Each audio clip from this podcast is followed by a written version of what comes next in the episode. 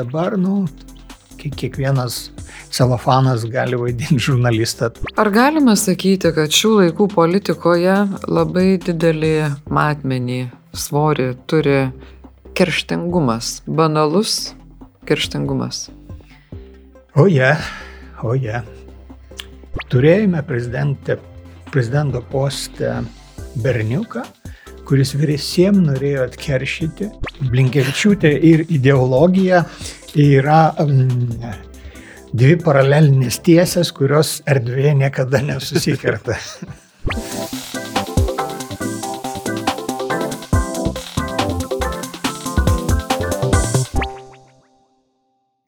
Ačiū labai visiems įsijungusiems. Naujausią redakcijos video šiek tiek nesimatėme keletą dienų, tai labai džiaugiuosi visus matydamas, nors iš tikrųjų gal ir nematydamas. Uh, šiandien mes esame vėl naujoje vietoje ir prie biurutės ir rytos ir manęs šiandien prisijungė ir į redakciją užsuko Rimidas Valatka. Sveiki, Rimidai. Sveiki. Tai e, nežinau, čia turbūt ir jūsų tikrai pristatinėti jau nereikia. Um, tai gal nuo tokio paprasčiausio klausimo, tokio, kiek jūs metų Rimvidai jau esate žiniasklaidai? Dabar 2024 oficialiai nuo 1978 metų rugsėjo. Tai praėjusiais metais buvo 45, dabar eina 46. Oho. E... Minus rusų kariuomenė, na ir turbūt minus aukščiausiųjų tarybų. Taip. E, tai va toks klausimas būtų, gal jūs galite, pavyzdžiui, vat, palyginti, kaip per tą laiką pasikeitė žurnalistai. Gal neimkim ten tų ankstyvųjų laikų labai jau, bet nuo 90-ųjų, 92-ųjų iki dabar, kaip pasikeitė? Turbūt, kad žmogui neišgyvenusiam to laikotarpio būtų sunku papasakot, nes pasikeitimai yra milžiniški. Na, tai rodo dar toks dalykas, kiek tokio amžiaus žmonių kaip aš dar rastumėt, kurie dar šiek tiek žiniasklaidai. nu, dar porą mūsų pažįstamų, ar ne, dešimt gal surinktume, o gal ir nebejau. Tai pasikeitė, nu, nu, nu visiškai pasikeitė, ar ne? Nuo, bet pagrindinis virsmas yra toks, tarkim, aš buvau laikraštinis žmogus. Mhm O laikraštis buvo perfekcionizmo viršūnė, ta prasme, tekstas, kuris pasiekia skaitytoją, praeidavo, na, sakykime, penkių, kartais praeidavo penkių žmonių kontrolę, ar ne? Ir tie penki žmonės gaudydavo logikos, stiliaus, gramatikos, žurnalistikos klaidas. O dabar tekstas yra pildysime ar ne parašiau eilutę send, send, send, ar ne, bus daugiau, bus daugiau, vat kaip istorija su mm, pagrobtų vaikų iš Kauno, ar ne, su klaidom, su viskuo ir taip toliau. Tai, tai didžiulis virsmas ir e, tik tai Tik tai žemaitiškas lietumas e, neleido susirgti šizofreniją, kai tu pereini į portalą ir tu pats formuluoji uh, reporteriams užduoti eikite klaidą. Nes tas, kas pirmas padarys klaidą, pirmas iš jos išeis. Tai tu iš perfekcionisto tampi antiperfekcionistu. Tu sakai, kad klysti reikia kuo greičiau. Nes jeigu tu visą tai taisysi, visi traukiniai iš stoties išvažiuos, o tu sėdėsi stoti ir galvosi, o kur čia man važiuoti.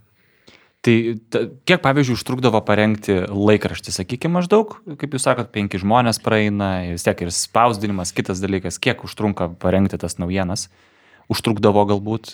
Laikraštis pradėdavo darbą taip pusė vienuolikos vienuoliktą, baigdavo pusė vienuoliktos vienuoliktą, jeigu nebūdavo Eurolygos futbolo čempionato, krepšinio čempionato, na ir tokių įvykių e, kaip, kaip pastaruoju metu, kur, kur neįlinis įvykis yra, tada ir 12 ir pusė pirmos. E, bet jeigu taip imti, nu, visą tai ne, ne viskas buvo daroma tiesiai į numerį, bet labai daug kas eidavo tiesiai į numerį, pažinau, Seimo pranešimai ir nes iš Seimo, tai reporteris grįždavo, kartais grįždavo pusę aštuonių, o kartais ir vėliau. Ir aš prisimenu, kaip vienas, va irgi iš, iš beveik aksakalų vis manęs klausdavo, m, prie išleidimo sėdė, kiek man parašyti. Kiek eilučių duodė? Taip. Žodžių ir eilučių. E, nu, tada, em, tada žodžiais buvo skaičiuojama, man labiau ženklais patinka, tai, tai aš sakydavau, kad vieną kartą pasakiau, kad klausyk kolega, aš parašyčiau 3000 per valandą, kuri tau yra skirta, o tau daugiau kaip pusantro tūkstančio išdaužti neišeis ryšlių žen- ženklų. Tai tavo maždaug būdavo ir toks, o tarkim, sporto žurnalistai tai turėdavo iš principo visą laiką taip dirbti, ar ne? E, Jūs dirbot Lietuvos ryte tuo laikotarpiu, iš principo, kai apie Lietuvos rytą ir Respubliką buvo sakoma, kad gale tų laikraščių buvo tokia, kad su jais tai yra toks posakis, su laikraščiu galima e, musę ir banką užmušti maždaug. Ar ta gale, kaip jūs vertinate žiniasklaidos galę, kaip prisimenate tą laikotarpį, ar ta gale žiniasklaidos net nebuvo per didelė ir ar sutiktumėt su dabar e, žmonėmis, kurie sako, kad dabar žurnalistikos galia yra ženkliai sum, sumažėjusi šiais laikais? Aš labai skeptiškai visą gyvenimą žiūrėjau į uh, žurnalistikos, laikraščių, televizijos uh, galę. Mano galva, uh, ta gale veikia tik tuos žmonės, nu, kurie turėjo gėdos jausmą, atsakomybės jausmą, nu, kurie, kaip pasakyti, kurie klysta, kartais ir blogų dal- dalykų padaro, bet, bet žmonėms, kuriems yra gėda, ką jie padaro. O tiem žmonėms, kuriem negėda nei tada, nei tada, nei dabar žiniasklaida nebuvo jokia gale. Nu, galėjai nekreipti dėmesio. Galbūt skirtumas buvo toks vienas, tarkim, jeigu a, dabar aš pabandyčiau į savo laidą pakviesti kokį nors Ramūną Karbauskį, nežinau, kokį ten Gitana nausėda. Gitana nausėdavo geriausias chrestomatinis pavyzdys, tai jie mane pasiūstų labai toli. O prieš 26-5 metus turėjau laidą TV3, paskui Baltijos televizijoje, vadinasi, man atrodo, kitas kampas. Ir mes kalbėdam su vienu žmogum. Tai aš prisimenu, kad Buvo kokie penki pašnekovai, kurie atėję su manim nesisveikino, išeidami neatsisveikino, Rankos ats- nespaudė. rankos nespaud, bet atsisėdė į tą kėdę, e, e, atsakydavo į visus klausimus.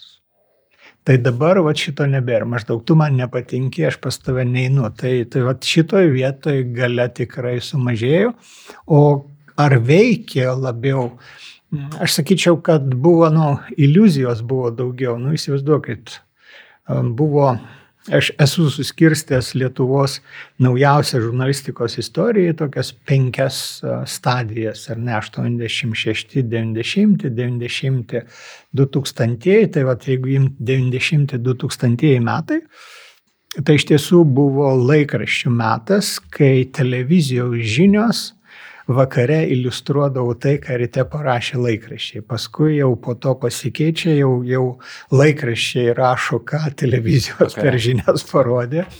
Tai va tuo metu ir buvo labai nedaug nu, informacijos šaltinių, ir buvo laikraščiai, iš kurių tu sužinai praktiškai viską. O ar ta galia buvo piknaudžiaujama e, jūsų požiūriu?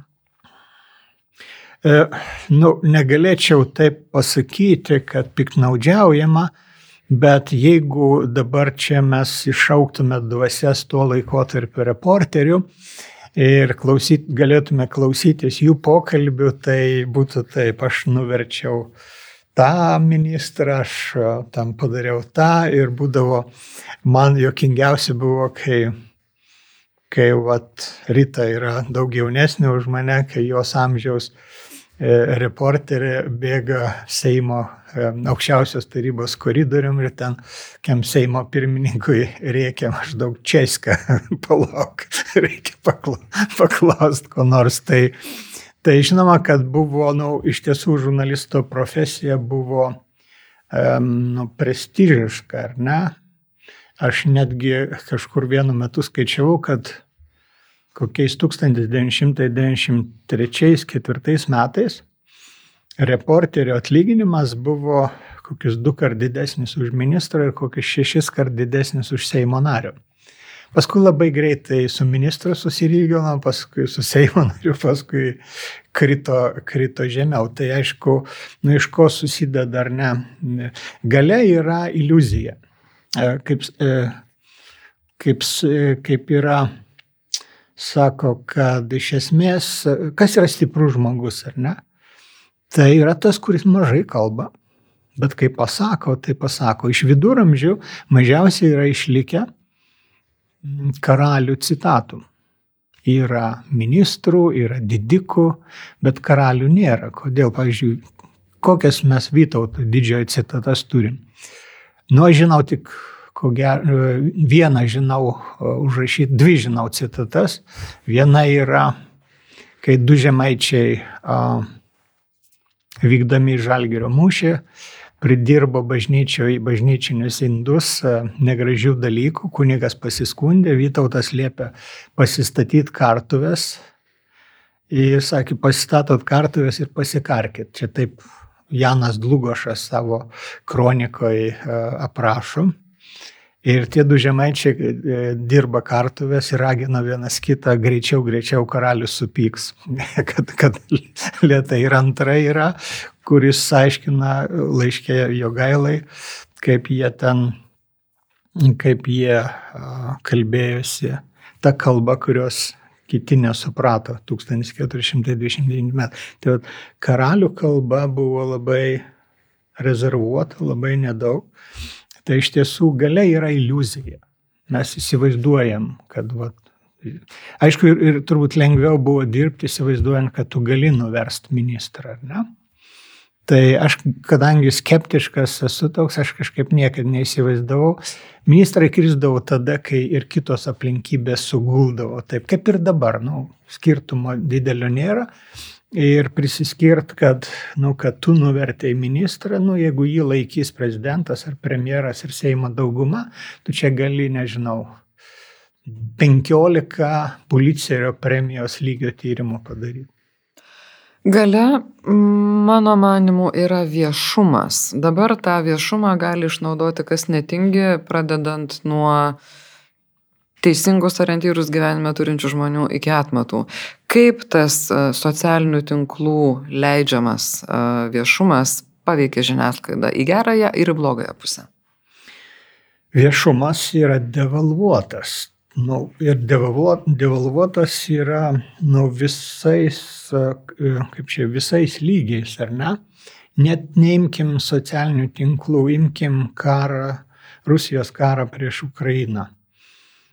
Atsivers bet kurį portalą ir skaityk, vat, kaip eina ta dešra iš viršaus į apačią, skaityk antraštės. E, tuo būdu bus ten Ukraina sutriuškino Rusijos pajėgas ir ten jau rusam Hana atsivertė, žuvo du rusai, trys sužeisti, e, trylika atsitraukė. Trys e, punktai žemiau, trim laipteliai žemiau, Rusija puola ten, užėmė, skaitai, užėmė 10 metrų. Tai karo prasme abu tie įvykiai yra, nu, niekiniai. Yra karo tokia, kad, nu, taip, žūsta žmonės, liejasi kraujas, tas yra blogai, bet, bet ta prasme, žiniasklaida nebeduoda vaizdo. Jeigu atsiverstume, nežinau, bet tas pats yra ir New York Times, tas pats ir Washington Post, ir, ir The Guardian ir taip toliau. Jeigu atsiverstume Irako karo, pirmojo Irako karo aprašymus Amerikos laikraščiuose arba Lietuvos laikraščiuose, mes turėtume vaizdą, kas kariai yra svarbu, kas yra nesvarbu ir taip toliau. O dabar, kai tau meta viską, ne, ir labai svarbius dalykus, ir nesvarbius, ir, ir jokingus dalykus, arba net ir toj istorijoje, ir ne, staiga dirba policija. Labai džiaugiuosi už, už Lietuvą ir Lietuvos policiją, kad jį padarė beveik neįmanoma. Bet tuo pat metu eina koks nors idiotas ir, ir praneša žmogaus automobilio numerį, žmogaus vardą ir pavardę, sako, o tai jis. Irgi parašom galimai mažom raidėm, o dideliam parašo. Ga- galimai, aiškiai, tas, gal, e, je- jeigu jau, nu, ta prasme, viešumas reikalauja atsakomybės. Jeigu tu nesi įsitikinęs, kad tas žmogus padarė nusikaltimą, tai tu nerašai nei jo vardo, nei pavardės, nei, nei, nei, nei, nei to automobilio numerį, tu skambini policijai ir sakai, turi įtarimą, kad gali būti tas žmogus. Vat. Tai žodžiu, yra, kai, nu ir čia yra su informacija toks, jau pats jį nuvalkėjau tą palyginimą, bet yra e, kaip su vandenynu, ar ne, taip ir su informacijos vandenynu yra panašiai. Tiek vieno a, vandenyno vidury tu mirsi iš troškulio, tiek ir informacijos vandenyno vidury atsidūręs tu mirsi dėl žinių trūkumo. Nors žinių yra daug. Mhm. Tai, tai vad žiniasklaida atliko kam mediatoriaus vaidmenį, tarpininkas tarp, tarp skaitytojų, klausytojų, žiūrovų buvo profesionaliai pateikdavo žinias. Nežinių dabar yra tiek, kad, kad reikia būti, aš nežinau, akademiku, kad tu susigaudytum, ką ta žinia reiškia, ar ne? Tai, vat, pavyzdžiui, man Ukrainos karo vaizdavimas yra tokia kakofonija, kur, kur mes patys paneigiam savo profesiją, mes nebeskirstom, yra net, kaip pasakyti, portalai pasidarė dešras ir ten meta ir svarbius dalykus, ir visiškai niekinius dalykus, ir gandus, ir visokių karo ekspertų samprotavimas. Karo ekspertai tai yra nu, kaip pasakyti, jeigu žmogus nieko nebuvo iki šito karo, tai jis tapo karo ekspertų ir tai jau yra jėga. Tai žodžiu, iš tiesų socialiniai tinklai, nu, ne, technologinės galimybės na, leido visiems žmonėms tapti rašytojais. Bet taip, ir tai išaugino gerokai tų visų informacijos, tą bendrą jūrą pagilino, ar ne? Bet yra šiek tiek to galbūt išlikę dar, ar jau visiškai ne, kad na, pavyksta Lietuvos žiniasklaidai tapti šiokiu tokiu filtru, nu, kad tiesiog nenertų žmonės į gandus, vien jau į gandus, į ten telegramos rautus, į Facebooko, į polietilėninių maišelių srautus, bet, nu, tiesiog kažkaip atlieka žiniasklaida filtro vaidmenį ar nebe? Jeigu netliktų, tai greičiausiai ir mes su jumis apie tai nekalbėtume, nes e, jau jūsų niekas nežiūrėtų, manęs niekas neskaitytų. E, visuomenė yra, na, nu, kaip bet kuri visuomenė, bet kuri bendruomenė, ji, ji yra, kaip ir žmogus, yra paremtas išgyvenimo principu.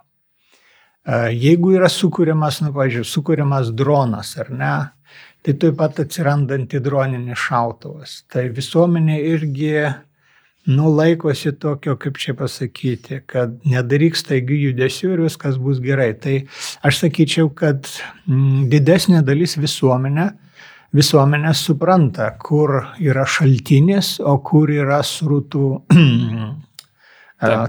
upelis tekantis. Tai Klausimas yra vat, visą laiką, ar ne, gal mes patys kartais per daug gazdinamės, kad į tą srutų upelį puls, tarkim, jauni žmonės ten ir, ir panašiai, ir panašiai. Bet, nu, žmogus, žmogus uh, išgyveno netokiom sąlygom, tai kaip nors išgyvens ir dabar, tik tai dabar yra, dabar yra sunkiau. Man, kaip ir rytai, dar teko to dešimtmetį, to aukso amžiaus, ar ne, žurnalistikos, kai buvo profesionali, pakankamai gerbiama ir pakankamai tokiom šiltnamio sąlygom dar dirbti buvo galima, ar ne? Iš tiesų, ir tada politikai nekentė, ir tada dalis žmonių e, nekentė ir, ir, ir taip toliau, bet vis tiek, nu, tai buvo kažkur tai va, va čia, ar ne? Dabar, nu, kiekvienas celofanas gali vaidinti žurnalistą, tai žinoma, to nebėra, yra sudėtingesnės sąlygos, bet didesnė misija turbūt.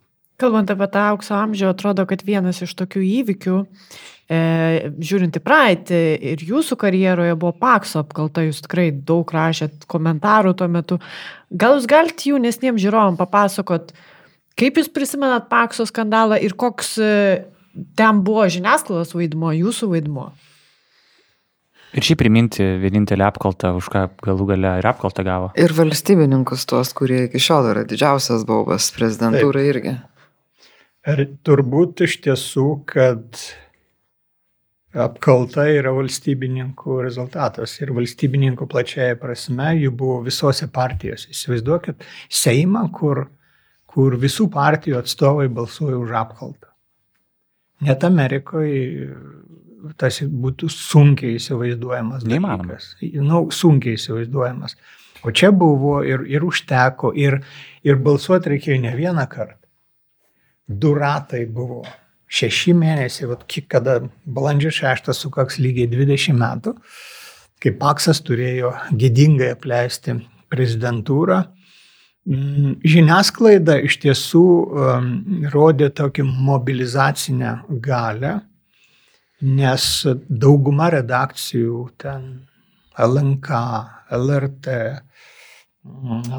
Lietuvos rytas, žodžiu, visi dirbo e, tą temą ir visi stengiasi ką nors rasti ir iš tiesų randama buvo, nu, visokie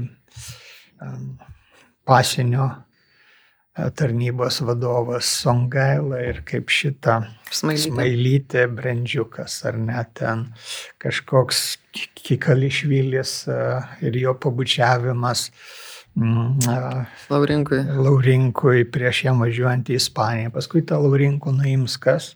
Iš Gruzijos išims iš ambasadorių. Grybauskaitė. Tai kas pradėjo vat, negerbti ambasadorių ir negerbti 84 konstitucijos straipsnio. Dalia Grybauskaitė, visi jau yra tą pamiršę. Visi po postų apie nausėdos baikas su Lenkijos ambasadorium rašo, būtų gerai, kad dalia sugrįžtų. Dalia, su, sugrį, dalia šitą madą ir įvedė. Ir ne, norėjo įvesti paksas, jam nedavė įvesti. Tai, tai žodžiu, apkalt, aš tai prisimenu kaip tokį transą, nes a, tuo metu turbūt buvo taip, a, Lietuvos rytas turėjo tokią a, opinion rubriką laiko ženklai. Mhm. Ir jį eidavo antradienį, trečiadienį, ketvirtadienį, penktadienį, o šeštadienį būdavo toks suma sumarom savaitės. Tai man atrodo, kad aš per tą apkaltą rašiau apie 90 procentų laiko ženklų. Pats rašiau. Buvau atsakingas už, už tą rubriką, nu kaip atsakingas, tu redaguoji, tu ten sutvarkai ar ne. Laiko ženklai kuriami iš pradžių 5-6 žmonės kalbasi, kažką žymisi, kažkas galvoja žymisi. Ir dažnai būdavo, kad per dieną reikdavo pakeisti du kartus. Tu parašėjai, tarkim, penktą, šeštą pasikeitė, perrašai, aštuntą vėl keičia situacija, dar kartą reikia perrašyti. Tai, tai turbūt esu pasiekęs rašymo, savo rašymo greitį, nu, kiek ten maždaug kiek ten ženklų galėjo būti 8-9 tūkstančiai ženklų su tarpeliais per 35 minutės. Čia kiek yra maždaug puslapių, kad žiūrovas 3 įsivaizduotų? A4 formato, 4-3,5 kažkas. e, To. 3,5 kažkur tai. Norėjau sakyti, kad pusė rašto darbo Vilnius universitete. Taip, kai, kai studentam pasakai tokio dydžio mm, esė parašyti, jie grėbėsi už galvos vajetą, koks, koks didelis darbas laukia.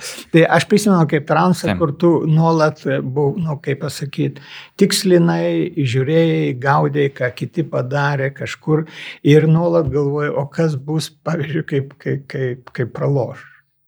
O jūs galite priminti apskritai, aš tai dabar- Praloš paksas? Ne, kad praloš apkal, Taip, apkaltos. visiškai, vis, visiškai buvo. Ir tada būtų svarstoma. buvę šitą liberal-demokratų ar kokią ten pakso partiją, tikėtina būtų laimėjusi rinkimus ir tada, kaip ten e, pelių slastai, e, spastai užsidaro ir mes būtume turėję e, tai, kas yra Rusija. Man, mano, taip, mano supratimu, Rusija tai, ką turi Vengrija, tai, ką turi Slovakija, pirmiausia, pražaidė Lietuvoje ir Lietuvoje jai nepavyko. Aš net tokį kalambūrą paleidau, kad penki žurnalistai Lietuvos nugalėjo visą Rusijos kariuomenės vyriausiąją žvalgybą GRU. O Rolandas Paksas būtų pajėgus būti tokiu, nu, diktatoriumi iš esmės. Nes netrodo. Ar tuo metu atrodė? Žiūrėkit, nieko nėra lengviau būti kaip diktatorium. Būti vadovu, kuris įsiklauso į pavaldinių mintis, surenka, klausosi Taip. kitų, yra be galo sunku. Bet gali reikia gebėti išlaikyti.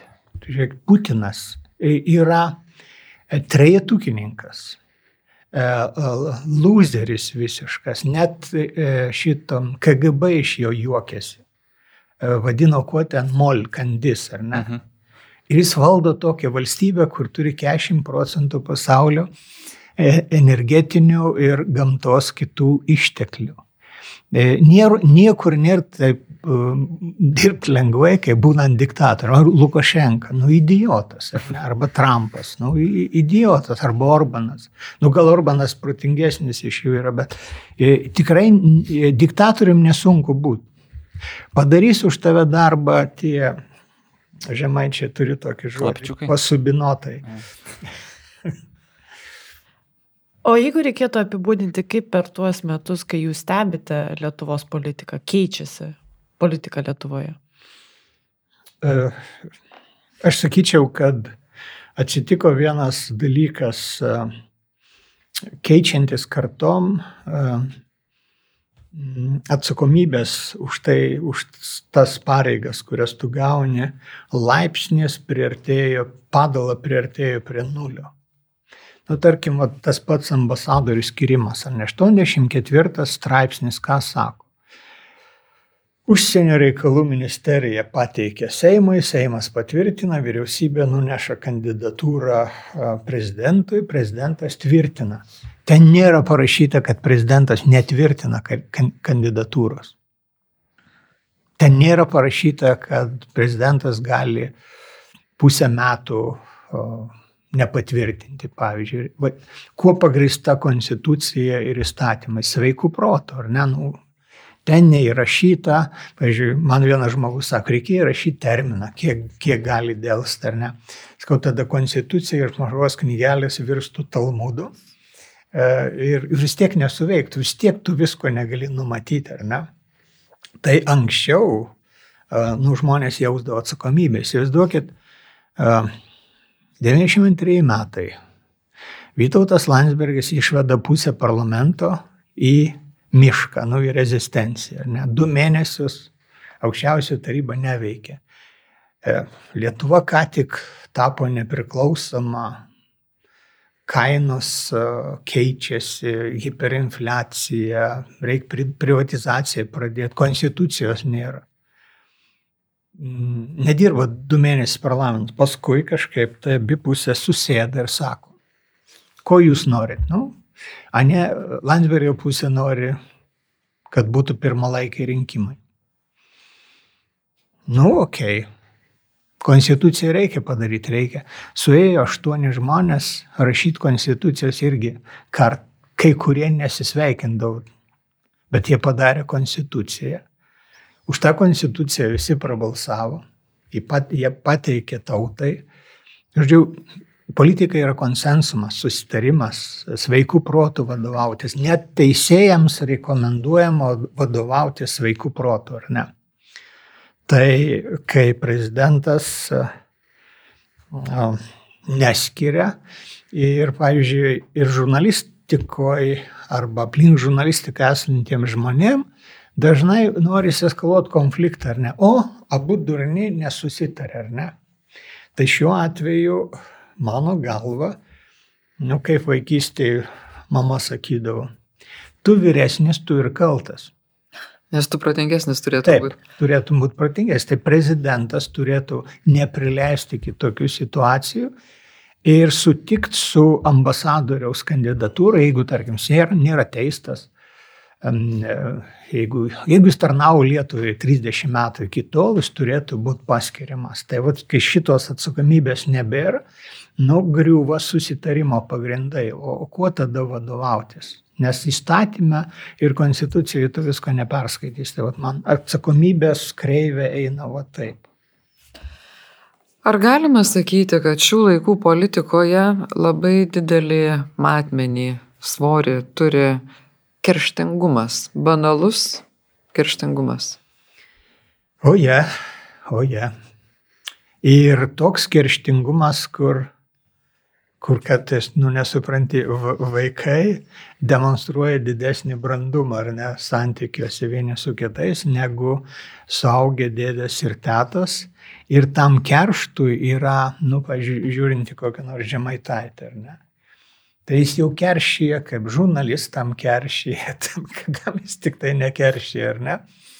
Ir, ir, ir žmonės pamiršę apie kerštą, e, galima kalbėti ilgai, bet nu, pagrindinė tezė turbūt būtų tokia, kad kerštas turi būti patiekalas šaltas, o ne karštas. Ne? Tai jie visi antruoju patiekalu laiko, ne, ne, ne, ne pirmoju. Tai ir turbūt, kad, na, nu, tarkim, jeigu imti, o jeigu pasibaigs šito aukšto ir gražaus pono uh, kadencija. Pirma. Pirma rimvidė. Pirma. 2029 pasibaigs antrą. Aš sakiau, kad agituosi balsuoti už vėgelę. Aš norėsiu pamatyti šitą. Pas, pasibaigs pirmoji kadencija ir ką mes galėsime e, pasakyti apie tą, tą kadenciją. Turėjome prezidento postę berniuką, kuris visiems norėjo atkeršyti, kad nežinau, gal jo ten kažkas nemylėjo mokykloje, gal dviejata. Neimdavo parūkyti už garažą. Jo, jo neįdavo parūkyti, dviejata universitete parašė stojant e, į ekonomiką iš matematikos.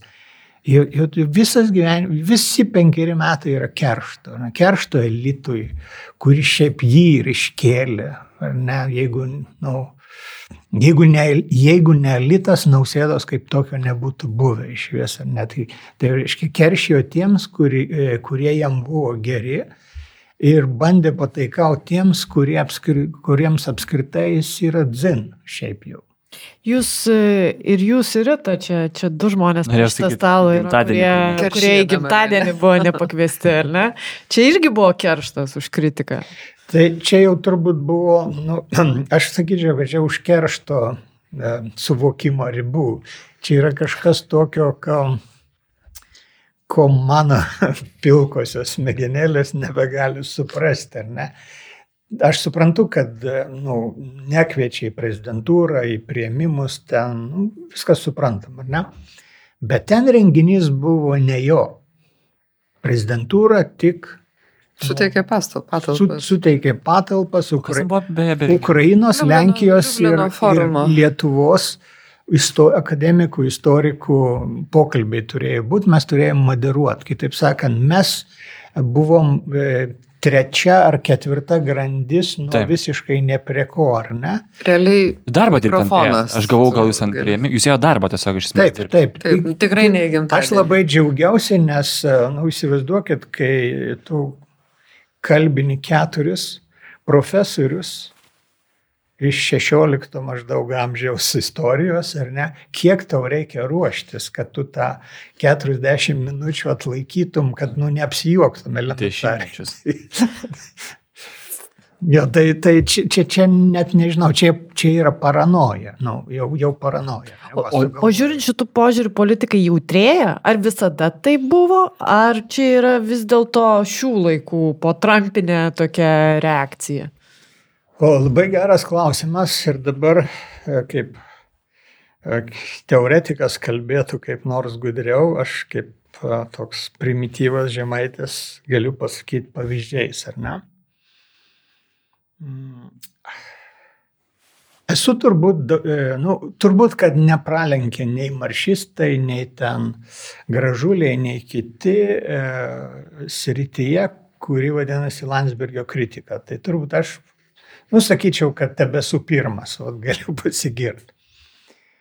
E, kiek, bet kiekvieną kartą, kai mes susitikdavom ir tais laikais, ir dabar su Landsbergiu, Vytautus. Vytautų Landsbergiu, mes su juo pasisveikindavom, jis špilkuodavo, laidydavo replikas, taiklės replikas, kartais atsikirzdavau, kartais nuleisdavau negirdom. Mes visada apie ką nors pasikalbėdavom. Jis niekarto nėra atsisakęs eiti mano laidas. Niekarto. Nei didžiausių įtampų laikais, nei vidutinių, nei neįtampų laikais ir taip toliau. Valdas Adamkus. Kai sudėjau savo dalį komentarų į knygelę ir padovanojau prezidentui Adamkui, užrašiau prezidentui, politikui, kurį kritikuojant man skauda širdį. Bet aš jį kritikavau, net ten bendri draugai sakydavo, nu, nu tu jį pavadinai kubiliaus buldozeriu. Nu, jis jam labai skaudu, tai gal tu paskambėjai, gal ką nors pakalbėk, bet susitikęs jis nekarto apie tai neužsimindavo. Tai e, dabartinių, kodėl taip yra, ne? Tai kai žmogus yra didelis, jis gali visok tokiem pinokiam kaip aš leisti viską arba labai daug, ar ne? Kai žmogus yra ūgių didelis, bet protelis menkas, nu jam norisi, kad jį mylėtų, gerbt, gerbtų a priori. Ir visi pino, visokie pinokiai trukdo tą, ar ne? Jis galvoja, o pašalinsiu ar ne, o šitos išvarysiu iš prezidentūros ir kaip ten pagal kernagį ir bulvės. Bulvės vėl žydės. Bet, pavyzdžiui, ar tikrai Gitanas, nu, gal galėtumėte, pavyzdžiui, pagalvoti ir atsiminti, čia šiaip visiems įdomus klausimas būtų, kas galbūt yra va, toks žmogus, va, kada prasidėjo toks tikrai įžeidumas, nes aš kažkodėl galvočiau, kad, kad galbūt Ramūnas Karbauskis yra tas, kuris tikrai pirmas atrodė, kad labiausiai įsižeidžia, jau pradeda žiniasklaidos keršti. Dabar tarsi galvom, kad Gitanas Nausėda yra tas žmogus. Gal kažkas dar anksčiau buvo, aš tokių, vat, kur tikrai atkreipė dėmesį, kad atrodydavo, tik, ne, kodėl žmogus įsižeidžia čia taip dar ir keršyje, pavyzdžiui, ir taip toliau. Jeigu aš pradėčiau vardyti tokias pavardės kaip Zita Šličytė, um, Gajauskaitė, uh, kokių ten dar veikėjų iš aukščiausios tarybos, tos pavardės nieko nesakytų. Vis, visą laiką buvo tokių, tik tai tiek, kad, kaip, kaip pasakyti, visa, žmonės visada yra maždaug vienodi, ar ne? Klausimas yra, kaip partija arba tam, kaip dalis visuomenės, kuri tuos politikus myli, ką jiems leidžia, koks naratyvas vyrauja. Ar tas įžeidumo naratyvas yra iškeliamas e, vietoj ideologijos, ar e, įžeidumas, nu, yra, jis buvo, bet ten maždaug, ten patilėk, vis tiek, kai sprendžia, sprendžia rimti vyrai. Tai aš sakyčiau, kad bėda yra tokia, jeigu aš dabar paklausyčiau apie kiekvieną partiją, kas yra jūsų ideologas, ką jie man atsakytų? Nu nieko net. Tevinės sąjunga sakytų, kad Europos liaudės partija.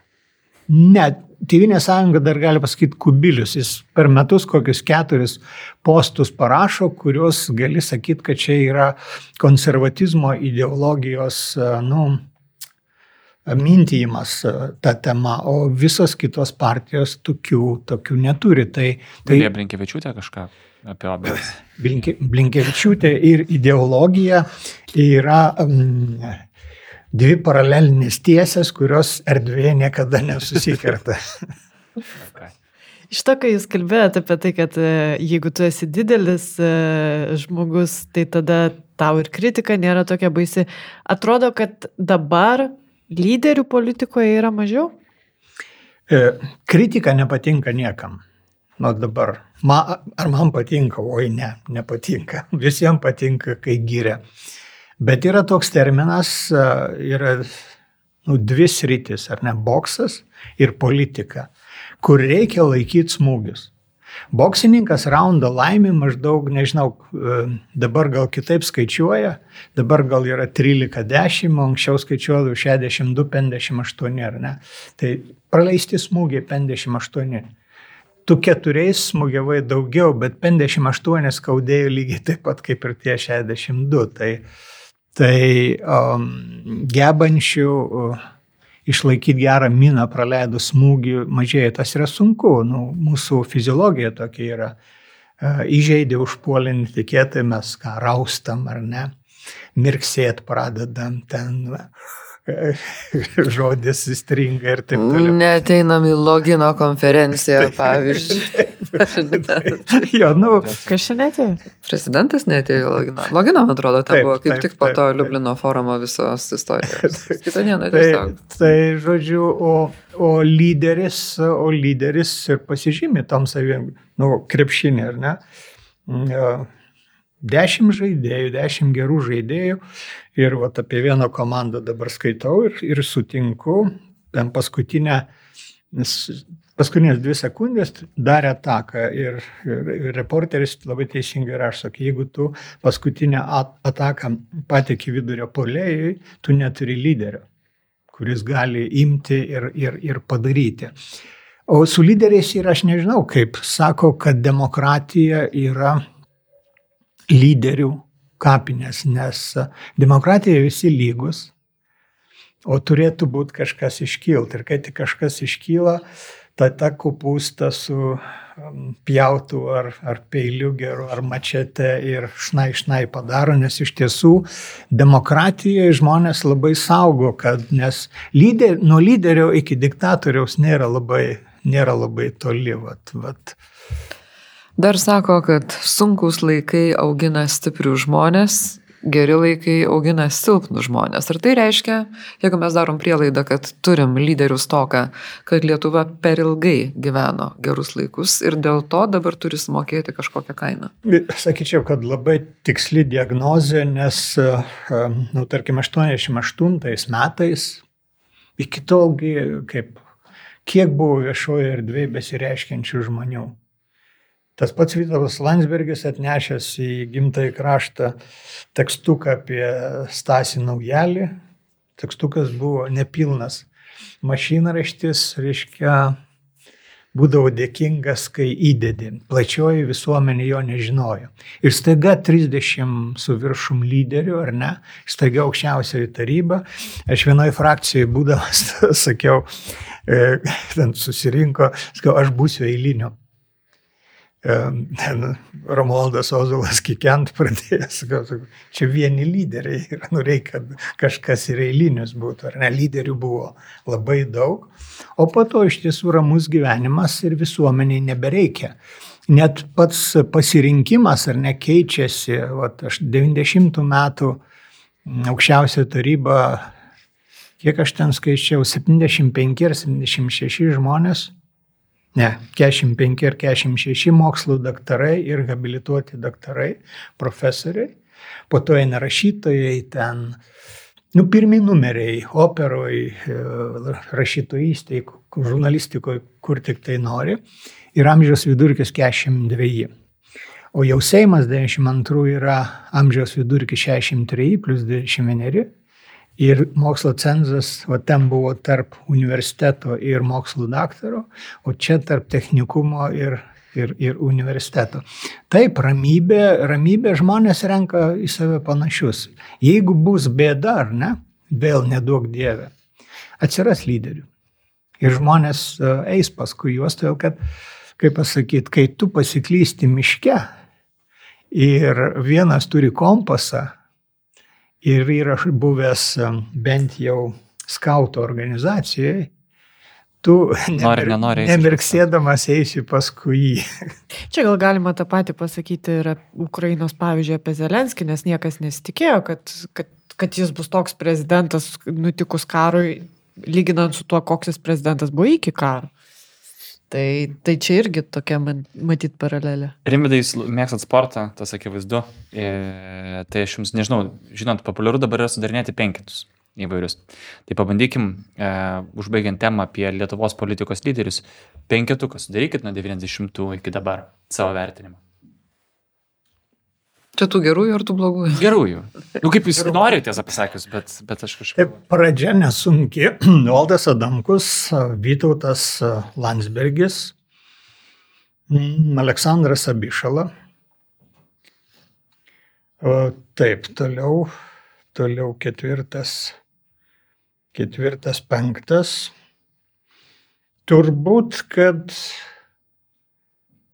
irgi labai daug kritikuojas rašyčiau Andrius Kubilius ketvirtas, nors daug klaidų padaręs ir, ir žurnalistikai daug pakenkęs žmogus, bet, bet pirmiausia jis turi mintį, ne, jis yra mąstytojas, ar ne? Ir nebijot, nebijantis priimti, priimti sprendimų. Taip ir dabar penktas, penktas, penktas, o, o kai penketuką paskutinį įtraukti.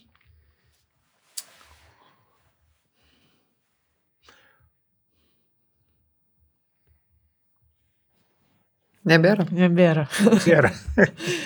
Visi kiti turi labai daug trūkumų. Ta prasme, aš čia traukiau ne pagal populiarumą, ne Taip, taip. pagal tai, Taip. kaip myli, bet pagal tai, kokią naudą davė, davė valstybei ir kaip dėl tos valstybės bandė, bandė, kažin kokius tai darbus padaryti. Kažkaip visai nustebino, kad Dalios Grybauskaitės nėra penketukė. Mm, Aš manau, kad ji yra viena prašiausių prezidenčių, e, kurias mes turėjome. Iš esmės, jis sukūrė tokias sąlygas, kuriuose dabar ir tokias taisyklės, tradicijas, kuriuose va, šitas mažas berniukas dabar plaukioja ir, ir lai, jaučiasi laimingu.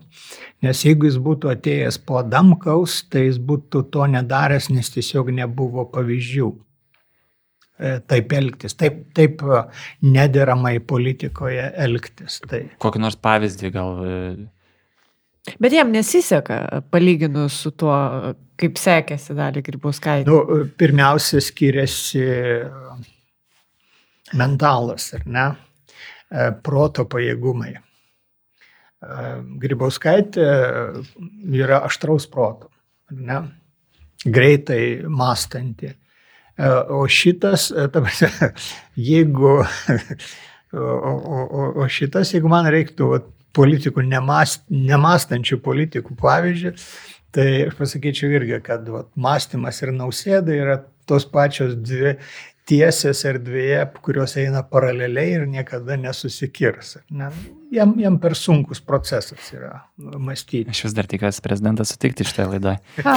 Bet, bet beje, ar galima sakyti, kad jūs Gitaną Nausėdą atvedėte į tokią ryškesnę rampų šviesą ir kaip jis pasikeitė nuo tų laikų? Aš turiu mintį į Lietuvos rytą. Štai klausiau, kaip dabar Rimvidas Valatkas, signataras ir žurnalistas dėl to jaučiasi.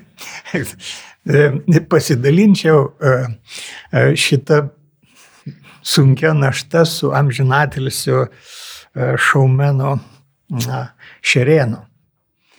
Man jį atvedė e, Šerėnas. Šerėnas, nežinau, ar jūs žinot ar ne, jis buvo ekonomikos mokslų daktaras. Disertacija buvo, man atrodo, apie žmogaus išteklius kažką tai. Ekonomikai rimta disertacija. Ir vieną dieną jis atvedė tokį aukštą vaikiną jauną Gražu. ir, ir ten maždaug išdėstė, aš dabar tiksliai sumų neprisimenu, bet maždaug du vaikai, docento algelė ten ar 120 litų ar kas, ar, ar ne, negalėtum rasti kokio darbelio. Kadangi tais laikais iš tiesų vat, laikraščiai plėtėsi labai va, tą dešimtmetį ir Nu, per penkias minutės sugalvoju, aš sakau, valiutas, valiutas, valiutas. Doleris su markė, e, doleris su jena, doleris su šveicarijos franku, trys grafikėliai, kiekvieną pirmadienį atnešė, 400 litų padėta. Tai čia didžiulis turtas. Nu, turbūt du ar tris kartus daugiau negu docentas gavo tuo metu. ir, ir taip jis rašė penkerius metus su nuotraukėlė, pavardę, tris grafikiukai. Galiu, būtumėt liepę, būčiau atnešęs parodyti komplektus, ar ne? Ir jį pastebėjau Lietuvos banke.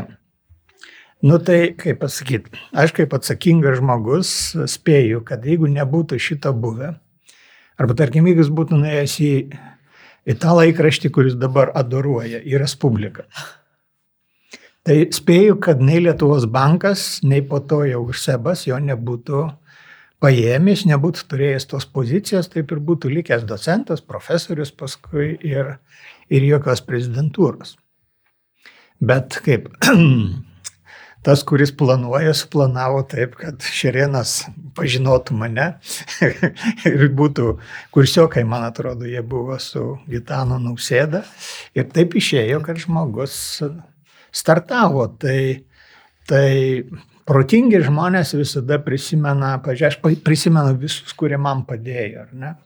Galėčiau vardyti, vat, net kur pirmą reportažą valstiečių laikraštytų buvo toks Antanas Naujokaitis prisimenu, buvo melžėjų mokyklos išleistuvės.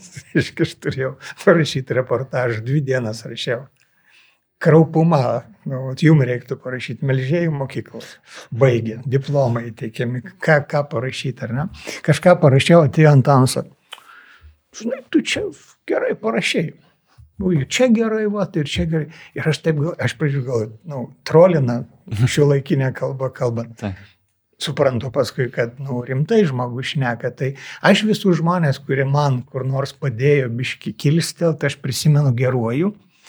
O žmonės, kurie ant piktų miltų yra užauginti košės, jie nori ištrinti, nu, kad nu, jie patys, ta prasme, ką darė, vat, ką darė Putinas, kai tapo prezidentu. Pirmas nužudytas buvo e, Peterburgo Tambovo gaujos ten vadas, su kuriuo jie kartu dylą darė. Antras nužudytas buvo Sobčiakas, kurį, kuris jį ištraukė iš šiukšlyno ir pastatė ir nuo to prasidėjo karjera. Tai vad neįleisti prezidentūrą to, kuris tau penkerius metus padėjo prasimaitinti, nu yra, yra solidu. Jeigu šviesaus atminimo nausėdos bendrabučio kaimynas Šerienas šiandien atvestų nausėdą ir sakytų rimvidai, maža ilgelė du vaikai, gali gal kažką padėti, koks būtų atsakymas? Toks pat. Aš net, net nu, įsivaizduokim hipotetiškai, ne, tarkim, prezidentas negauna uh, rentos, negauna e, namuko, ten nieko negauna. Tai čia reikia apkaltą praeiti, kad taip nutiktų. Jo, jo. Nes buvusi nu, prezidentą buvau kažkada sotelį susitikęs. Taip, ir, ir tarkim, ir jiem yra sunku, o nu, aš tiesą dabar nebeturiu kur uh, plotų, kur priimti, bet tarkim, jeigu aš būčiau redaktorius, jis ateitų ir sakytų, norėčiau rašyti apie mm, pasaulio ekonomikos prognozes, tarkim, kaip bus ten po penkerių, dešimties, penkiolikos metų aš priimčiau. E, yra toks, kaip, tai yra toks posakis, kad draugus reikia, draugus reikia laikyti truputį toliau, o priešus labai arti prie savęs, o ne priešingai. Tai. Ir, ir apskritai, tai tas sprendimas yra ne apie kitą žmogų, o apie tave. Tai, ką tu nusprendi, tu nusprendi taip, kaip tau yra mieliau, patogiau, kaip tu esi, nu, nežinau, augintas, auklėtas. Tai ir grįžtam prie klausimą apie kerštą. Jau gink Dievę, niekam gyvenime nekeršyk. Ir tu pamatysi, kad gyvenimas šitiem visiems atkeršyje. Esu turėjęs tokių nušmikių, kurie smarkiai pagadino gyvenimą. Ir po pusės metų kažkas su juo atsitikdavo negero. Vat, vat, vat taip yra. Kirimidas Altka yra fatalistas? Nu, va, iš to, ką pasakiau, kitos išvados nepadarysi. Šitoje vietoje iš tikrųjų, nu, bet labiau aš akcentuočiau tą pirmąją dalį, kad gink Dievę nekeršyk. Ir ypač to laikausi turiu per semestrą maždaug iki dviejų, kartais trijų šimtų studentų, ar ne? Nu ir visko pasitaiko, ar ne? Aš pats buvau labai nekoks studentas, ta prasme, nelankantis ten, laikų nepadarantis ir taip toliau. Tai eidamas į tą darbą sakiau, tik nesugalvok keršyti studentui. Tu esi stovi prie katedros ar ne, o jie, o jie ten sėdi ir galų gale tu gal jam ir atkeršysi, bet gyvenimas atkeršys tau, nes jam yra 20, o tau jau arti 70. Tai jis turi daugiau šansų, bet kuriuo atveju laimėti tai tą gyvenimo kovą. Jeigu reikėtų kalbėti apie politikos ateitį, artimiausi rinkimai, artėjantis yra prezidento rinkimai.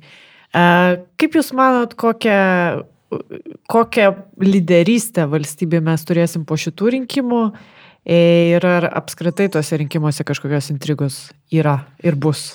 Aš manyčiau, kad po šitų rinkimų bus gėda kalbėti apie lyderystę, E, nes e, labai daug aplinkui sėdinčių žmonių pasijus įžeisti. E, kaip ten, kaip ten yra Rusijoje formuoti, įžeidė tikinčiųjų jausmus. Mačiau tokią karikatūrą. Sėdi už grotų Jėzus Kristus, kitas klausė, už ką sėdi. Įžeidžiau tikinčiųjų jausmus. tai apie lyderystę nebus galima kalbėti, jau, jau nu, neskaniai kvepia. Bet man kažkaip tai O du dalykai yra man svarbesni yra Amerikos prezidento rinkimai. Jeigu im demokratijos ateitį tiek Lietuvoje, tiek, nežinau, Indonezijoje, tiek Brazilijoje, tai yra Amerikos prezidento rinkimai, kurie labai daug lems. O žiūrint į Lietuvos prezidento rinkimus, nu, Žurnalistika yra toks dalykas, jeigu tu visą laiką žiūrėsi į pasaulį iš čia, ar net skaitos taškas, fizikoje yra labai svarbus. Jeigu tu žiūri į upę tekančią nuo prie pat kranto ar ne žemai, tai tu matysi vieną vaizdą. Jeigu pasilipsi ant skardžio, kampas keičiasi visai kitas, o jeigu dar į pušį lipsi visai kitaip. Tai aš bandau lipti pušį ir svarstau taip. Kai manęs klausia, už ką balsuoti, Aš sakau, balsuok už vėgelę. Išpučia akis, kaip už vėgelę. Sakau, žiūrėkime, kai nausėda ėjo į anuos rinkimus, apie jį buvo kalbama tik gerai ir dar geriau. Ir elito žmogus, ir ekonomistas, ir, ir ten. Tas, liberalas. Liberalas. Bibliofilas. Bibliofilas. Nu, už viskas buvo. Aukštas. Amazing, ar ne? Ir ką mes gavom? mes gavom minus amazing, atvirkščiai reiškia, ten taip toliau. O vėgėl, apie vėgėlę kalbama tik blogai ir dar blogiau dėl vieno žmogaus durno poelgio, ar ne? Dėl išstojimo prieš skiepus. Ir bet jis aš, dabar kartoja tą savo kar, retoriką. Kartoja, bet aš taip žiūriu, kad, nu, ko gero, vėgėlė. Uh, Vat šitaip iš to neigiamo liūno išlipęs, jeigu jį išrinktų, tarkim, jis norėtų būti geras, jis norėtų su elitu draugauti. Nu, tėvas verslininkas, brolis, to verslo gyventojas. Ta prasme, atsipirkt reikia. Taip, ne? taip, taip. Ta prasme, jis su durnelių balsais ateitų, ar ne? Nu ir gudrių, ar ne, kurie prisidėtų. Ir bandytų tapti truputį geresniu, negu jis buvo vaizduojamas. O nausėda atėjo galvodamas, kad jis yra Dievas, jis yra toks geras, kad jis mums visiems laimę atneš šimtui metų į priekį. Tai, tai aišku, gerovė. Gali sakyti, trenk, jo, gerovė. Tai, gali sakyti, kad mano mąstymas yra trenktas bet parodykit man, ką norintais geriau šitoje situacijoje, kaip mąstyti kitaip, ar ne? Akivaizdu, kad jis agituoja jau. O aš, aš galvoju, žodžiu, kad trolina, bet dabar čia yra jau papunkčiui įsidėta. čia, čia beveik kaip tas klebonas, ar ne? Kur, be, be to yra, kaip pasakyti, e, politikoje yra labai svarbu pamoka, ar ne? Kad politikas gautų pamoką, vat, paksas išlėkė, E, iš prezidentūros už nu, visiškai žulumą ar ne. Realiai, jeigu jis nebūtų Borisovo antrą kartą prieėmęs į darbą, turbūt, kad jis būtų išsaugojęs, ar ne. Gražulis gavo į skudurus kada, kai jis galvoja, ką ir taip laimėsiu čia, ką, ką čia. Iki šiol sekėsi tai. Jo, pra, prasmuks, nu, Šimtą kartų prasmukau, šimtą pirmą kartą. Šiaip iš tikrųjų žiauri daug kartų. Prasmukau. Jo, tai, tai kol, nu kaip, kaip, kaip su šuniuku, ar ne, nežinau, gal dabar taip nebegalima sakyti, bet kaime buvo taip, jeigu šuniukas kambarį pridirbo, tai reikia pamurdyti. Tai su šuniukais nebegalima, tai su politikais reikia tą daryti, kad kol jis nepajunta savo smarvės ant savęs, tai, tai tol tol, ta prasme, įžulės ir toliau. O kas bus, jeigu išsirinksim vėgelį ir jis nebandys būti geresniu negu atrodo, o priešingai tęs šitą retoriką? Nu, žiūrėkit, tada jam reiks pakeisti visus a, vienus Jansonus skaisgirytės, kitais Jansonais skaisgirytės eis laikas. Tam gaištama yra, pavyzdžiui, nu, įsivaizduokit, jeigu, vat, e, kur, a, kur aš sutinku dėl to, kad Putino mirtis būtų karo pabaiga. E, Šiaip Rusijoje niekas nepasikeistų nuo to. Nei kokybiškai, nei kaip nors kitaip.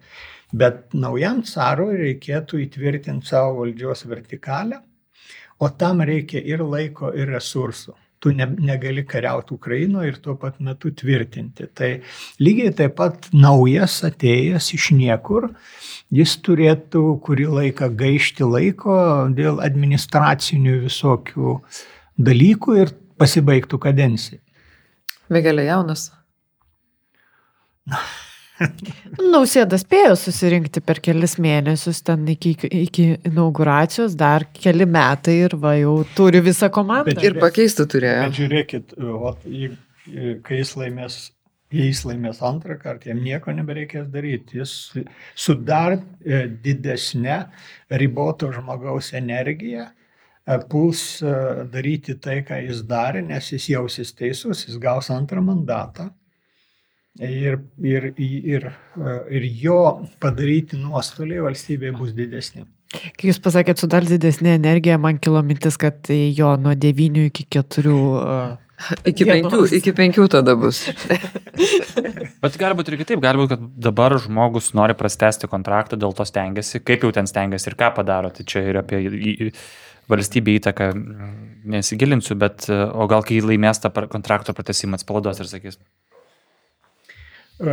jūsų lūpom e, kalba e, išmintis, e, kaip pasakai, tezė visada yra antitezė, o to mūsų e, gyvenimas žmonių yra įdomus, kad e, niekas negali turėti ne tik tiesos monopolio, bet e, visos prognozės ateities yra, nu, kaip čia lietuviškai, tufta, nu, muilo burbulas. Pliurpalas. Ar ne? K- Ką tu gali išprognozuoti, ar ne? Kysim, kaip dabar prognozuoja, aiškiai prognozavo vakarų ekonomistai apie Rusijos mm, ten biudžeto taip. ir ir armijos pajėgumus, ar ne. Tai iš principo jie prognozavo, nu ne visai moksliškai skaičiavo, jie neskaičiavo, kad, kad Rusija vis dėlto ne Sovietų sąjunga yra ir verslas veikiantis ras apeiti kaip tuos kelius tiekimų ir taip toliau. Antra, rusas nėra amerikonas ar vokietis ar lietuvis. Jam vienodai, kol, kol jis Kentėti Kol jis duonos turės, tol, tol jisai e, kenties. Tai em, ir, ir dabar yra iš tiesų, nu, Rusija, Rusijos resursas yra maždaug dar dviejai metai. E, Jeigu vakarai duos va tik tiek ginklų, kiek dabar, tai dviejus metus jį ištems ir, ir grius, nes, kaip pasakyti, jie įme- įmetė iš biudžeto į karinę pramonę daug, daug trilijonų, ar ne? Tie trilijonai prasisuko, kareiviai gauna, karininkai gauna pinigų, e, tankų pramonės darbininkai gauna, viskas susisuko, bet biudžetas iš kur sudaromas? Iš žmonių ir verslo mokamų mokesčių. Reiškia, dabar reikės atimti kuo daugiau. Ir tas, kaip čia, e, statymai kyla ir vieną dieną bankas sugriuvo, reiškia. Tai, bet kada jis sugrius? Jis gali sugriūti ir po trijų metų, ir po ketverių. Įsivaizduok, Ukrainai. Ką tai reiškia? Kiek ten liks pastatų, e, žmonių ir žemė, kurios bus tinkam, nu, kurie bus tinkami gyvenimui, ar ne? Tai, bet kad sugrius, tai, tai yra faktas. Bet šiaip prognozijas yra, nu, visi karo ekspertai, kurie, kurie prognozuoja karo ateitį, yra, nu, realiai Palmyra yra išminčių išminti, išminčius ten ar ten, kokia ten Palmyra yra, kokia ten dar budraitytė, kurios iš kortų būrė. Jie yra kietesni ekspertai negu karo ekspertai. E, O Čia GPT galėtų sugeneruoti jų tos tekstus, bet, na, tik tą savo. Kaip tik e, Grimerė pasakojo prieš laidą, kaip grimodavo burėjas ir kaip e, pasakodavo dalykus, tai ten tikrai.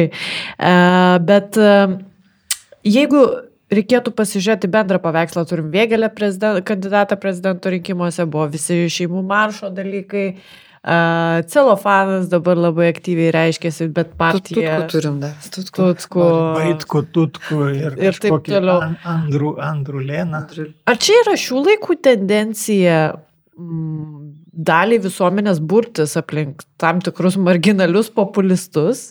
E, Ir nu, kaip Jūs matote Lietuvos politikos ateitį? Ar, ar, ar tai bus dėl tokios polarizacijos įsiskaldžiusi aplink įvairius populistus susibūrusi politika? Ar vis dėlto sveikas protas nugalės ir visada nugali? Ar burtis aplink jo, aš nelabai, manau, nelabai sakyčiau, kad apie juos būrėsi. Nu, kas apie Tutkų būrėsi? Ten jo ten draugė ta ir, ir ten rinkimų štabo vadovė yra susibūrusi, o, o visi kiti tokie, nu kaip čia paskui vieną dieną Tutkus, o pilvelį prisimenat Algirdą. kas Aš tai prisimenu. Tai, va, tai, tai pilvelis buvo rimtesnė figūra, bent jau fotografuot mokėjo, ar ne? Ir, ir nuostolingą laikraštį Lietuvos Aidas tiek ilgai leido, net dabar jo dukra. Tutkus. Lietuvos kariuomeniai vadovavo. Nu, jo, geriau būtų nevadovavęs.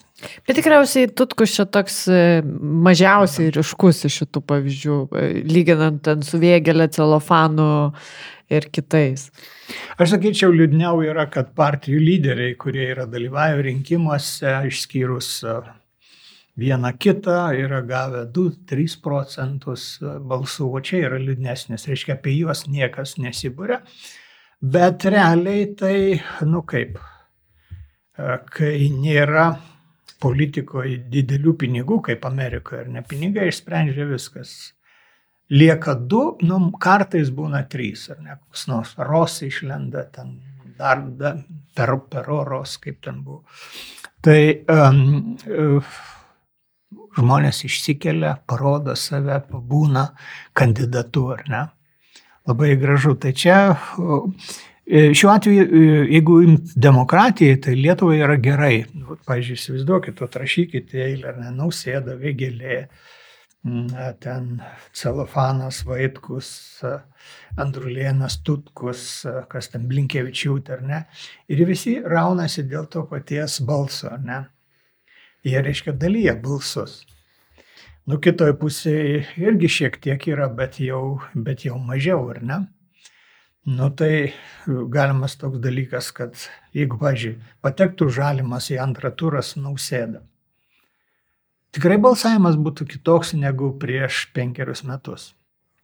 Prisimenu, kai balsavo, kaip vos ne vos Grybauskaitė nugalėjo tokį super pilką veikėją, pilkiausią turbūt. Zigmantą Balčytį. Jo, Zigmantą Balčytį, Balčytį, kuris sakė, aš nenoriu ten. ten man Bet nereikia." jeigu- Pati keiščiausia kampanija, aš kur atsimenu. Aš tai nenoriu čia būti, bet tiek to. Jo. Ir jis gavo, jeigu neklystų, 48 procentus. Ne, mažiau žinokit, man atrodo. Ar 40. Bet 40. Bet apie 40. taip. 44, nu, 4 ar 5 procentai. Žodžiu, nedaug trūko. Taip, taip. Jeigu jis būtų norėjęs ir būtų, pavyzdžiui, pradėjęs. Pasistengęs. Pasistengęs, tai galėjai. Nes vis tiek, buvęs prezidentas, dabar įsivaizduok, nausėda, jis gal to pats nežino, bet jo e, rinkėjų mm, e, pusėje įvyko didinga transformacija. Pusė žmonių, kurie už jį balsavo, nebebalsuos. Jis turi gauti kit, tą pusę kompensuoti iš tų žmonių, kurie balsavo ten už, už visiškai ką nors kitą. Tai ir penkeri metai, nu, yra kaip mums taip atrodo, ar ne, kad apskritai vat, žurnalistikoje yra labai blogai, kad imi pagal trafaretus, ar ne, tas konservatorius, tas liberalas, tas socialdemokratas ir tą automatiškai perkeliant jų rinkėjų. Bet tik, tik užtenka pasikalbėti su rinkėju, tai pasirodo, kad tas socialdemokratas gali už šimonytę balsuoti Mhm. arba tas konservatorius gali balsuoti už, už, už Blinkevičiūtę, pavyzdžiui. Žmonės yra, kaip pasakyti, vis dėlto individualūs labai. Ir jų tas apsisprendimas, nu, jis vyksta. Krikštynos buvo, ten kažkoks, nu, liežuvių pakabinės bičias buvo gražiai apie ką nors papasakojo, pasakė, o už tą reikia balsuoti.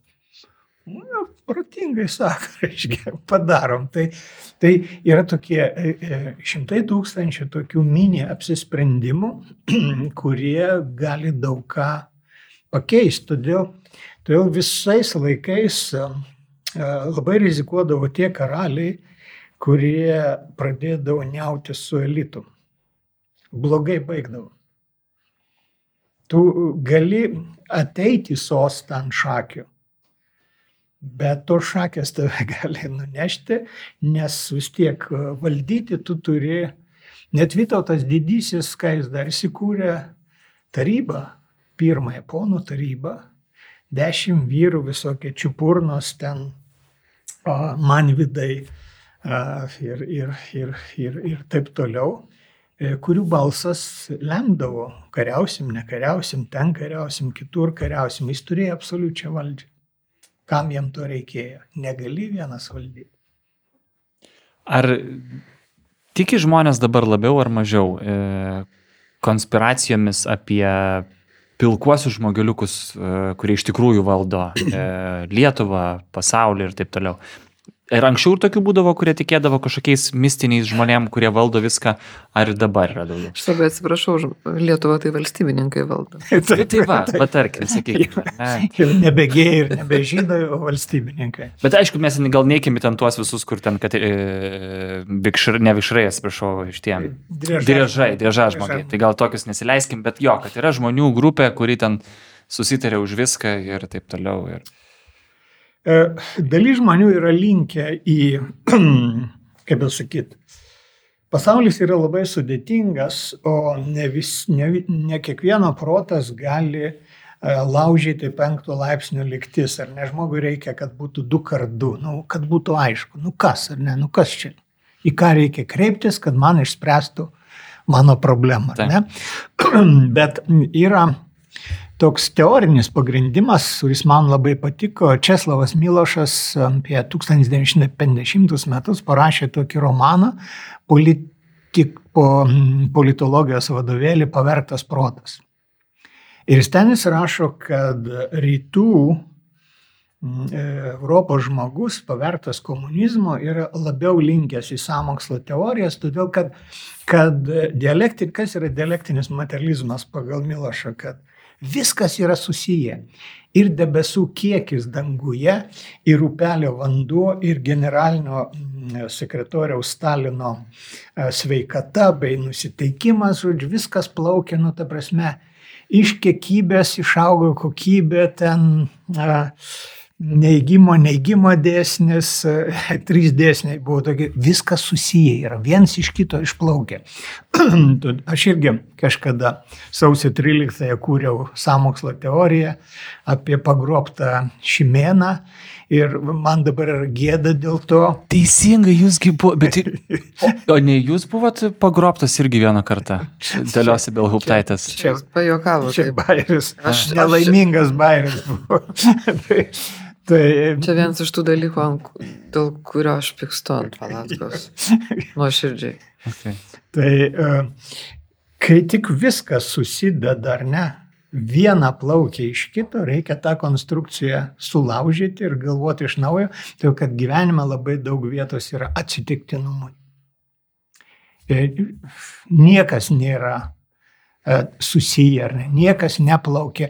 E, tu gali po to atgal sudaryti grandinę, bet tarkim, nu, at mes kalbėjom apie nausėdos iškilimą ar ne. Nu, tai irgi mano pasakojimas truputį į samokslo teoriją panašėjo. Tarkim, galbūt jis būtų nuėjęs kitur ir būtų dar greičiau tą patį padaręs. Tai, tai čia svarbu yra žmogaus noras būti prezidentu ar net ten organizacija ir, ir panašiai. Tai vat Milošas sakė, kad žmonės paveikti va, tos propagandos ir to primityviojo dialektinio materializmo, ne Hegelio dialektikos, bet dialektinio materializmo, yra labiau linkę, va taip mąstyti ir, reiškia, viskas valdo tarptautinis imperializmas sionizmas, reiškia, kapita, kapitalas ten, jau sorošas čia moderniųjų laikų, okay. reiškia, vienas sorošas, bet anksčiau buvo ten toks dėdės semas ar nepiešiamas Taip. buvo, reiškia, viską jie nusprendžia, niekas kitas nieko nebegali padaryti, tai matyt, kad mes esam pažeidžiamesni. Todėl, kad, nu, yra tas prisiminimas, bet to įsivaizduokit, kad kada žmogus pradeda kurti samokslo teorijas. Tam, kuriam gyvenime sekasi, jis nekuria samokslo teorijų. Jis, ne, jis turi, neturi laikus, dirba, sukasi, o dabar kažkas Ukrainai dirba, jeigu turi laisvo laiko ir pinigų, e, kažkas kokį nors e, darnumą pradeda kultivuoti ar ten rūpintis neįgaliaisiais arba katinukais pamestais ar dar kažkom tai. E, Samokslo teorija yra, nu, outsiderių religija, ar ne? Jis e, ne todėl, kad nesimokė mokykloje, ne todėl, kad nesimokė gerai universitete, ne todėl, kad yra tinginys blogai gyvena, o todėl, blemba, kad šitas jo vietą užėmė. Jeigu aš būčiau jo vietoje, padaryčiau gerai. Tai sėkmingas žmogus niekada taip negalvos. Sėkmingas žmogus galvoja, ką aš galiu dar padaryti ar ne. Kaip aš galiu parašyti, pažiūrėjau, aš e, galiu pasakyti, kad man kiekvienas tekstas yra toks pat iššūkis, toks pat kalnas, kaip buvo, kai aš rašiau pirmąjį tekstą gyvenime arba pirmąjį eilėraštį. Tebestovi tas kalnas, jis nei sumažėjo, gal net padidėjo truputį. Tai aš jį galvoju, kaip, kaip su juo susidraugauti su tuo kalnu, kad jis manęs ne, neužgriūtų. O loseris sėdėtų ir mąstytų, žinai, kad ten jo nespausdina, pavyzdžiui, arba ten. O Valatka atėjo, bam ir parašė. Jo, bam ir parašė ir jį, jį įdėjo. Nes draugelių turi. tai, tai matyt, šitas yra klausimas, yra, kokia visuomenės dalis tam pasiduoda ir kokią tai gali turėti įtaką. Buvo vienas momentas Lietuvos valstybės istorijoje, tai buvo Garliavos istorija, kai jau artėjo prie nu, tokių palyginamų dydžių, aš, aš netgi sakyčiau, gal kokie 40-45 procentai tikėjo tą sąmokslo teoriją, kad kažkoks pedofilų klanas, kurį dengia valdžia, tuos vaikus grobė, išnaudoja ir, ir panašiai, ir panašiai. Ir žiūrėkit, ta teorija buvo patikėję kokie vyrai. Vytautas Landsbergis, buvęs kultūros ir švietimo ministras. Du, Du, du Landsbergiai, tai buvęs kultūros ir švietimo ministras, profesorius Darius Kolys ir daugybė dailininkų, rašytojų ten ir, ir panašiai, ir panašiai. Tai, tai žmogaus, na, nu, kaip smegenis yra, yra galingas aparatas, ar ne, bet jį gali panaudoti ir karui, ir, ir geriem dalykam. Tyla reiškia, tyla gera byla. Ačiū Rimvidai, kad skiriat savo valandėlę ir daugiau. E, ačiū Birutė ir Ritai. O ačiū visiems žiūrėjusiems. Aš tik tai noriu priminti tokį dalyką, kad 68 procentai iš jūsų, kurie pažiūrit, vis dar nėra paprenumeravę mūsų kanalą. Tai padarykite, jeigu tą galite. Ačiū labai visiems, ačiū ir iki. Ačiū. Ačiū.